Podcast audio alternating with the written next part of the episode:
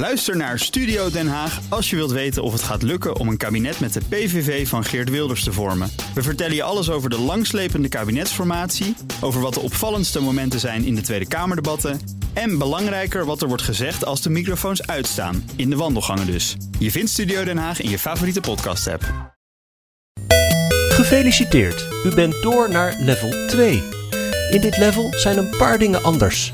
Boekenstein is links geworden en de wijk een optimist. In Boekenstein en de wijk level 2.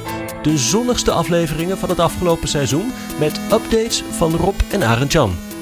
Van Europa tot China en economie tot technologie, Boekenstein en de wijk verkennen de contouren van de post-corona wereldorde. Vandaag de teleurstelling van Thierry en Trump. BNR Nieuwsradio. Boekenstein en de Wijk. Hugo Rijksma. De afgelopen dagen zijn er opnieuw berichten in de media verschenen over Many, many cases. Many, many cases. aantijgingen, karaktermoord, bitchfight. Very weird things happen. Jongens, ho even stop. They cheated. Het is heel verdrietig hoe dit gaat. They're bad people. Echt heel verdrietig. They're horrible people. Ik mag geen toegang meer hebben tot de social media accounts. It's a disgrace. Zijn deze mensen helemaal gek geworden? Horrible. Goodbye, my lover. Just horrible. Goodbye, my Ik friend. had het nooit voor mogelijk gehouden. You have been the one for Thierry en Trump, teleurgesteld in de slechtheid van de mens, breekt hier de nationalistische golf. Welkom bij Boekenstein en de Wijk, op zoek naar de nieuwe wereldorde. Met in de studio Rob de Wijk. Hij was al langer teleurgesteld in de mens. Ja. Maar gelukkig heeft hij Arend Jan Boekenstein nog. Althans op afstand, wegens autopech. Arend Jan, hallo. Hij heeft nu ook geen vertrouwen meer in de auto. Onze gast, u hoort een hem, is populistische auto. politicoloog en connoisseur van rechtse vleugels, Meindert Venema. Welkom. Ja, ja. En meneer Venema, u, u kent Baudet al heel lang. Ik ken hem al heel lang. En eh, degene die. eh, eh, ik heb het bij me, het boek van Berend Sommer hadden gelezen twee jaar geleden. De onweerstaanbare val van Henri Furet. Die hadden al geweten hoe het met, boek. met Furet is afgelopen, zou ik maar zeggen. En dat, En wie was Furet? Moet je wel even uitleggen. nou, wat denk je? Nee, jij moet Baudet. Oké. Furet, Henri Furet. Hmm. Moeilijker kan het niet worden. Oké. It's a disgrace.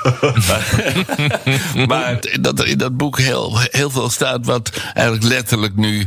eh, zowel door journalisten, maar ook door eh, Baudet gezegd wordt. En, eh, en de, de titel, hè, de onweerstaanbare val... dat geeft al aan waar het uiteindelijk op uitkomt. En ja, het schetst dat boek, en dat vind ik al heel, heel grappig... het schetst een enorm... penetrant beeld van zowel de universiteiten als van de politieke elite. En van de mensen die denken van nou hier kan ik wat geld mee verdienen. Want dat is natuurlijk eigenlijk, eh, die, die, die Berend Sommer zegt ergens, die laat iemand zeggen van ja, eh, om een variant op Clausewitz, eh, politiek is het najagen van persoonlijke doeleinden met publieke middelen. en dat is het eigenlijk. Dat, zie- dat zie je, dat zie je bij, bij, bij Trump heel sterk nu.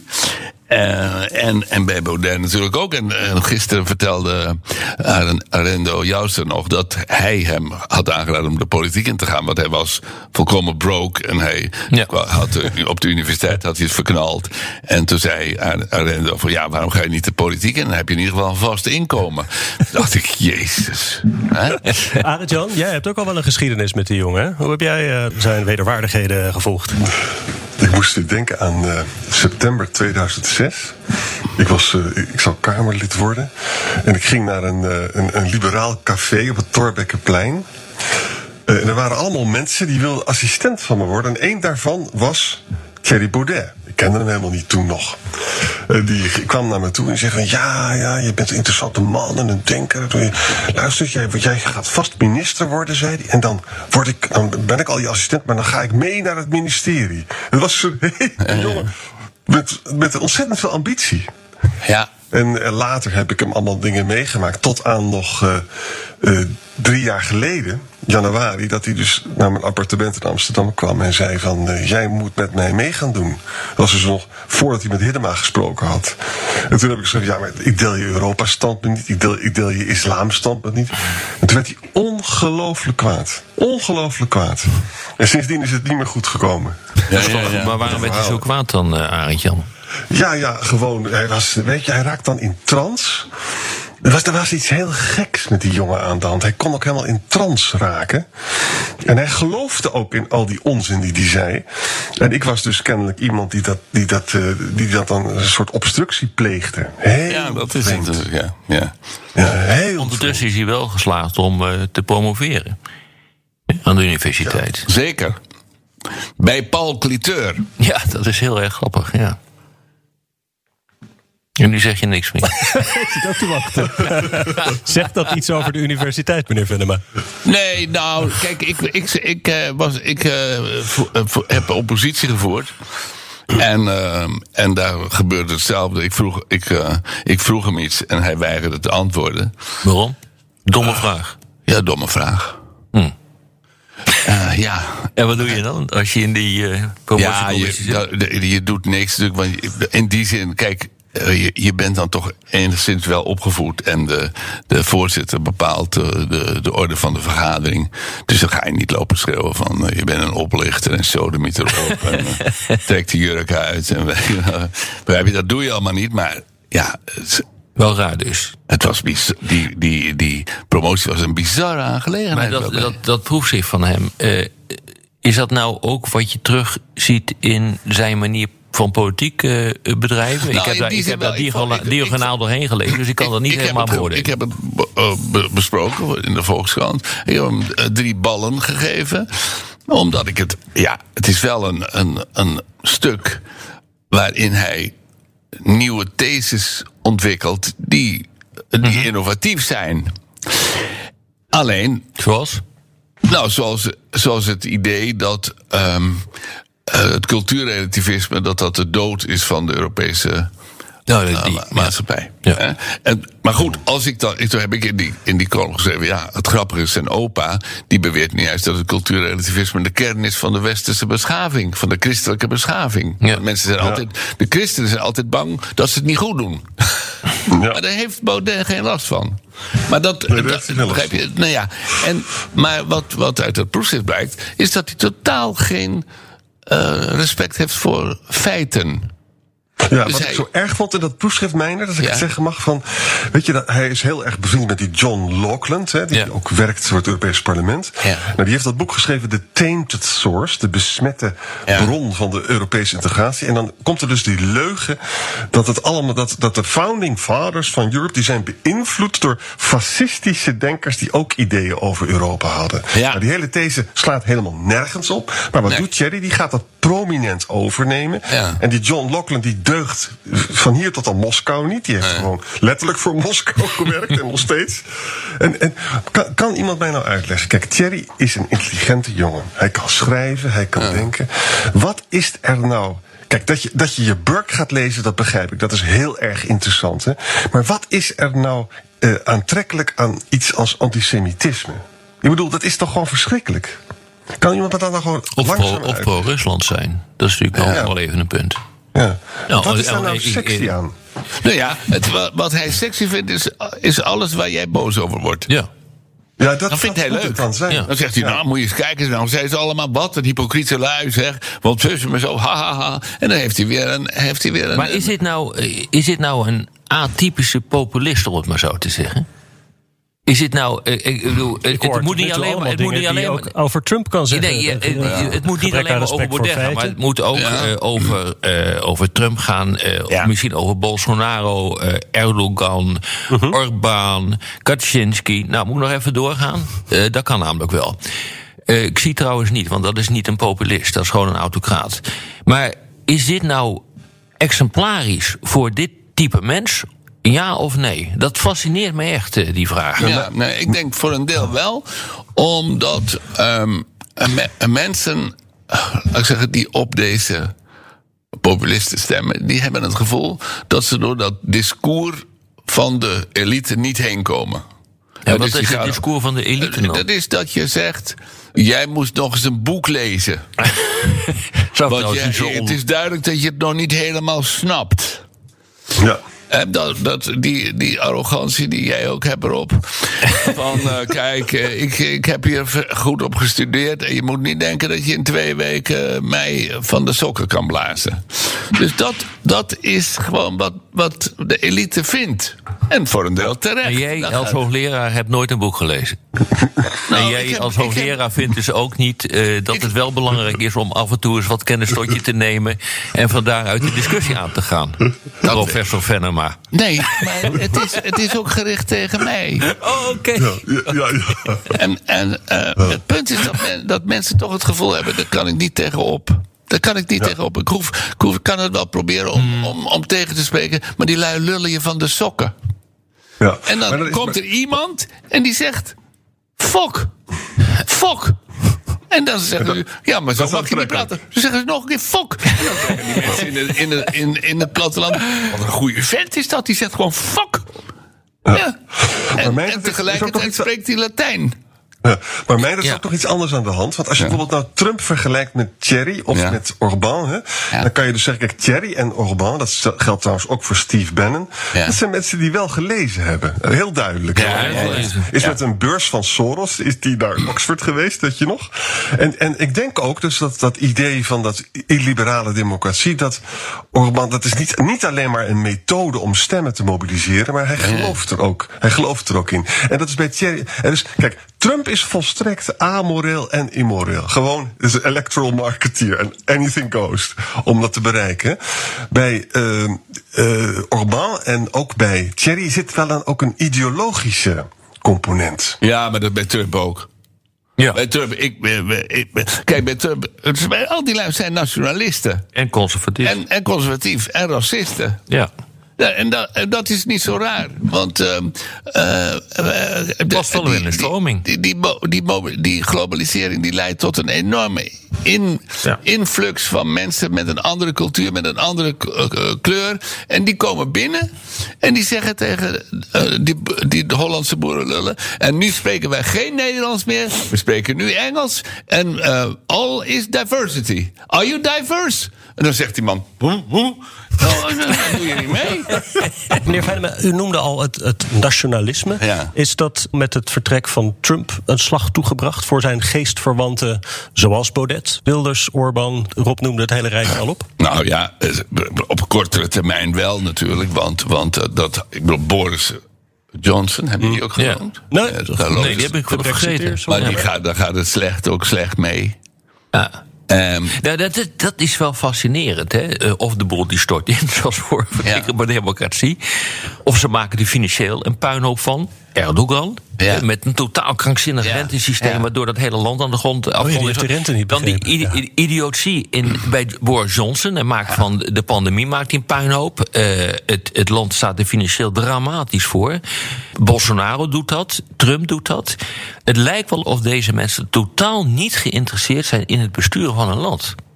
nou, dat, dat speelt een rol. Maar ik denk ook dat het. ehm, eh, ja, dat het, het, programma van het nationalisme. Dat, dat is natuurlijk moeilijk, moeilijk uit te voeren.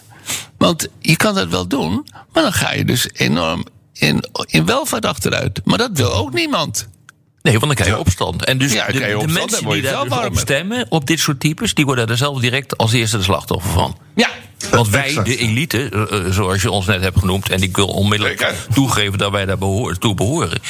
Eh, eh, die hebben misschien al wel een achterdeurtje waardoor je kunt, kunt vluchten en eh, nou, proberen om de schade zoveel mogelijk te beperken voor jezelf. Ja. Maar dat hebben de mensen die daar op, Minder. op die types gestemd nee, hebben nee, niet. dat- dat Dat is- vi- ja. Eerlijk gezegd vind ik dat nog het meest erge van, Ja. van wat je op dit ogenblik ziet. En de grote vraag is, hoe kan je dat nou overbruggen ook als, laten we zeggen, politiek die op een niet populistische, niet nationalistisch conservatieve manier en, zich probeert te verbinden met het electoraat. Hoe moet je nou in rotsnaam eh, die, wacht brug slaan. Ja, nou, maar mag ik nog even een, eh, een analytisch puntje maken? Nou, vooruit, ik, vooruit, ik ben er echt tegen om, om dat populisme te koppelen aan het nationalisme en het conservatisme. Nee, want je hebt populisme natuurlijk Links ook aan de andere Dus kant. het- Dat weet ik ook. Dus wel. als je het niet wil koppelen aan, aan nationalisme en conservatisme, ja, dan moet je een gigantische operatie initiëren om, om de gelijkheid weer te doen toenemen. Want die gelijkheid is de afgelopen 30 jaar enorm afgenomen. De ongelijkheid is, gewel- ongelijkheid is geweldig toegenomen. Dat heeft te maken met die globalisering. Maar ni- niet in een land als Nederland toch? Absoluut. Nou, Absoluut. De die ongelijkheid is in kijk. Nederland zo enorm toegenomen. Als ik naar die cijfers kijk... Ja, nog inkomen een- niet, maar vermogen wel. Vermogen wel, dat nou, en daar Ja. gaat het dus om. BNR Nieuwsradio. Boekenstein en de Wijk. Level 2. Dus, dus Meindert Venema die zegt... Het, de basisoorzaak is ongelijkheid. Maar wat ik nu zie, Arend Jan... is dat in, in, in Europa bij verkiezingen... die extreme krachten worden teruggeduwd. Hoe kan dat dan? Ja, dat betekent dus dat, dat die idee van dat de globaliseringsverliezers zijn bij uitstek de, zeg maar, de mensen die zich tegen de elite keren, de populisten. Dat is ook een beetje te, makkelijk. Hè? Ik denk dat er gewoon dus die culturele, die, die, die, die eh, cultuuroorlog, die laait af en toe op, omdat mensen gewoon heel erg heerlijk te vinden om in wij en zij te blijven denken. Maar het is ook zo dat dat soms een beetje milder wordt. We zien dus bijvoorbeeld nu in, bij de regionale verkiezingen in Frankrijk... dat mevrouw Le Pen dat helemaal niet zo goed doet. We zien dat in eh, Hongarije is uh, Ja, Le, Pen heeft dat niet goed gedaan in Frankrijk. Niet nee. gedaan. Boedapest is gevallen in Hongarije. Ja. Eh, we zien dat meneer Jansa in Slovenië doet allemaal kwalijke dingen. Maar dat, ook niet iedereen in zijn land is daar, is daar gelukkig mee. Alternatieven voor Duitsland hebben verloren in Sachsen-Anhalt. En wat ik ook interessant vind, die, evangelicals hebben heel erg Trump gesteund. En Ja. als je nou met ze praten, ik, ik vind dat zulke merkwaardige diersoorten. Dan zeggen, ze dus, dan zeggen ze dus van, ja, God heeft het kennelijk gewild dat Trump dan toch niet door kon gaan. Kijk, zo kan je natuurlijk alles weer. eh, dan is de, de, de, de bestaande situaties zijn altijd door God gegeven. Hè? Maar dat betekent ook wel dat je dan misschien Trump een beetje los kan laten. Nou, de ellende is natuurlijk dat, en dat vind ik wel heel droevig, ook voor, ook voor de hele wereld, dat de Republikeinen nu dus doorgaan met votosuppression. Hè? Betekent dus dat, die, dat een tweede Trump gewoon boven de markt blijft hangen. Ja, en dat heeft dus ook al grote gevolgen nu voor de relatie tussen Europa en Amerika. Want eh, Biden die werd niet ontvangen als een nieuwe messias, zoals eh, Obama destijds, eh, jaren geleden. En dat, ja, die man, zijn leeftijd werkt natuurlijk ook niet echt mee. Dus hij zit daar misschien één termijn. En wat komt daarna? Eh, en je ziet nu al dat er een enorme hypotheek heeft gelegd op bijvoorbeeld eh, de belangrijke top van de G7, de EU, de NAVO, die in juni is, eh, is gehouden.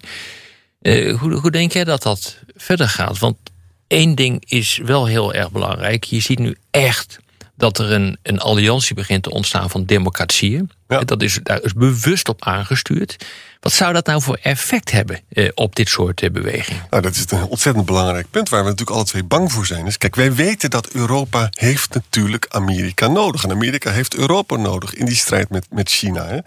Tegelijkertijd is onze angst voor een terugkeer van de Republikeinen... die hun partij nu gewoon helemaal kapot hebben gemaakt... betekent dus dat er, dat er twee spalt ontstaan. Dat ook dat Biden heeft daar last van. Het vertrouwen is gewoon weg. En dat betekent dus minder orde... en ook meer kans op ontsporing van die relatie Europa-Amerika. Terwijl die zo belangrijk is. Nou ja, kijk, helemaal mee eens. Hè. Ik denk dat één punt is wel heel erg belangrijk. En Dat eh, is dat Biden, in tegenstelling tot Trump, niet zal toestaan dat mensen als Orbán helemaal uit de boot eh, eh, gaan vallen. Ja. Die ontleenden hun legitimiteit ook aan iemand als Trump. Dat zagen, zagen we ook met Kaczynski in, eh, in Polen. Eh, maar haalt dit nou echt de wind uit de zeilen bij dit soort eh, mensen? Zeker niet, want zij weten en zij hopen en wij, en wij vrezen dat de Republikeinse Partij dus echt in staat zijn. Maar, maar, maar je hebt net gezegd van. ehm, eh, in Frankrijk heeft Le Pen bij de re- regionale verkiezingen niet gewonnen. In Duitsland is het opmerkelijk dat Alternatieven voor Duitsland niet de, eh, de winsten boekt die voorspeld zijn. Hoe kan dat dan? Wat, wat is hier nou eigenlijk ten diepste aan de hand? Ja, dat is een hele moeilijke, moeilijke vraag. Eh, ik, het heeft misschien ook wel iets te maken met die COVID-periode... dat we allemaal, dat we allemaal helemaal in quarantaine zitten. Hè? Maar één ding, hè, we moeten niet ook hier voorstellen dat, dat het gedaan is. Hè? Uh, de, de, de opkomst was krankzinnig laag bij de regionale verkiezingen, 31 procent. Dus kun je weinig aan afleiden. Er is ontzettend veel onvrede in Frankrijk. Marine Le Pen is absoluut niet weg. Nee. Barnier zegt bijvoorbeeld, die, wil nu president worden... en die zegt, ik ga het ook worden. Dat is nog helemaal maar de vraag. In Italië Draghi doet geweldige dingen nu. Maar het is heel makkelijk om een scenario toch ook te, te schetsen. waarbij uh, Il Fratelli, weet je wel, de fascisten. samen met de Lega uh, gaan regeren. Kan zomaar gebeuren. En als, we, als Lachette straks bondskanselier wordt... het is nou ook niet de meest charismatische man die je kan bedenken. Dat was Merkel ook niet, hè, toen ze ja. aantrad. Ja, dat is waar. dus. Maar uh, ik kan me dan heel goed voorstellen... met al die bruinkool in Oost-Duitsland... die, met, die hun banen gaan kwijtraken. Ja. Met die problemen van die eenwaarde die nog steeds zijn. En, en, en Lachette is natuurlijk een ontzettende Europeaan... en dat zijn die mensen daar helemaal niet. Hè. Het is, de strijd is nog niet gestreden. Nee, maar kijk, niets verenigt zo goed als bedreigingen van buiten. Hè? Ja. En ik denk dat je gelijk hebt dat COVID daar een eh, belangrijke rol in heeft gespeeld. Dat heeft toch mensen bij elkaar gebracht. Het heeft ook, ook helemaal volgens het boekje de Europese Unie in een hoge versnelling gebracht. Ja. Volksgezondheid is nu ineens onderdeel van de discussies in de Europese Unie, terwijl dat expliciet in het verdrag er buiten wordt eh, gehouden. Eh, vaccinatieprogramma's worden nu naar eh, Brussel getrokken. Aankoop van vaccins. Het is niet waar dat de EU COVID slecht heeft gedaan. Wat de Helemaal steeds maar herhalen. Nee, nee, dat is gewoon niet zo. Dus er is echt iets aan de hand op dit ogenblik. En er is ook structureel iets aan de hand. Omdat heel langzamerhand doorcijpelt dat er een aantal uitdagingen zijn waar we gewoon niet, niet goed met elkaar ja, een antwoord op weten. En dat is niet alleen maar geopolitiek met die opkomst van China. Maar er komen natuurlijk nu alarmerende berichten over klimaatverandering. Ja. Eh, die hele discussie is een beetje aan Nederland voorbij gegaan. Maar ehm, de, de, de discussie die ook nu woedt, dat echt gewoon de mensheid bedreigd wordt. Mensen denken, maar, oh mijn god, nu moeten we wel wat doen. En niets, niets verenigt zo goed als bedreigingen. En dat betekent, denk ik, dat dit soort op termijn, dit soort groepen, die zullen blijven bestaan. Maar die zullen, denk ik, ook steeds meer gemarginaliseerd worden. Dan denk ik, jongens, hou op met dat gezeur, blijf gewoon doorzeuren, maar blijf er even buiten. Eh, ik denk dat je dat soort, ja, dat soort mechanismen krijgt. Kijk jij daar tegenaan? Nou, kijk, als het klimaatontkenners zijn, dan hebben ze natuurlijk een beetje een probleem als het 42 graden wordt. Hè, dan zullen ze een toontje lager zingen. De ellende is dat je natuurlijk ook een andere beweging kan krijgen. Van mensen, jullie hebben het zo ver laten komen dat we nu 45 graden hier hebben. En we, en we gaan nu gewoon naar de. We geloven niet meer maar in. Maar daar kan, daar, daar kan Thierry Baudet geen goed garen bij spinnen. Ja, of hij moet in één klap een, uh, het licht hebben gezien. maar het zal ongelijkheid versterken. Ja, dat denk ik ook. En dat is ook heel instabiel. Ja, dan zijn we dus weer terug bij de ongelijkheid. Eh, die toch uiteindelijk, concluderen we, wel een belangrijke factor is.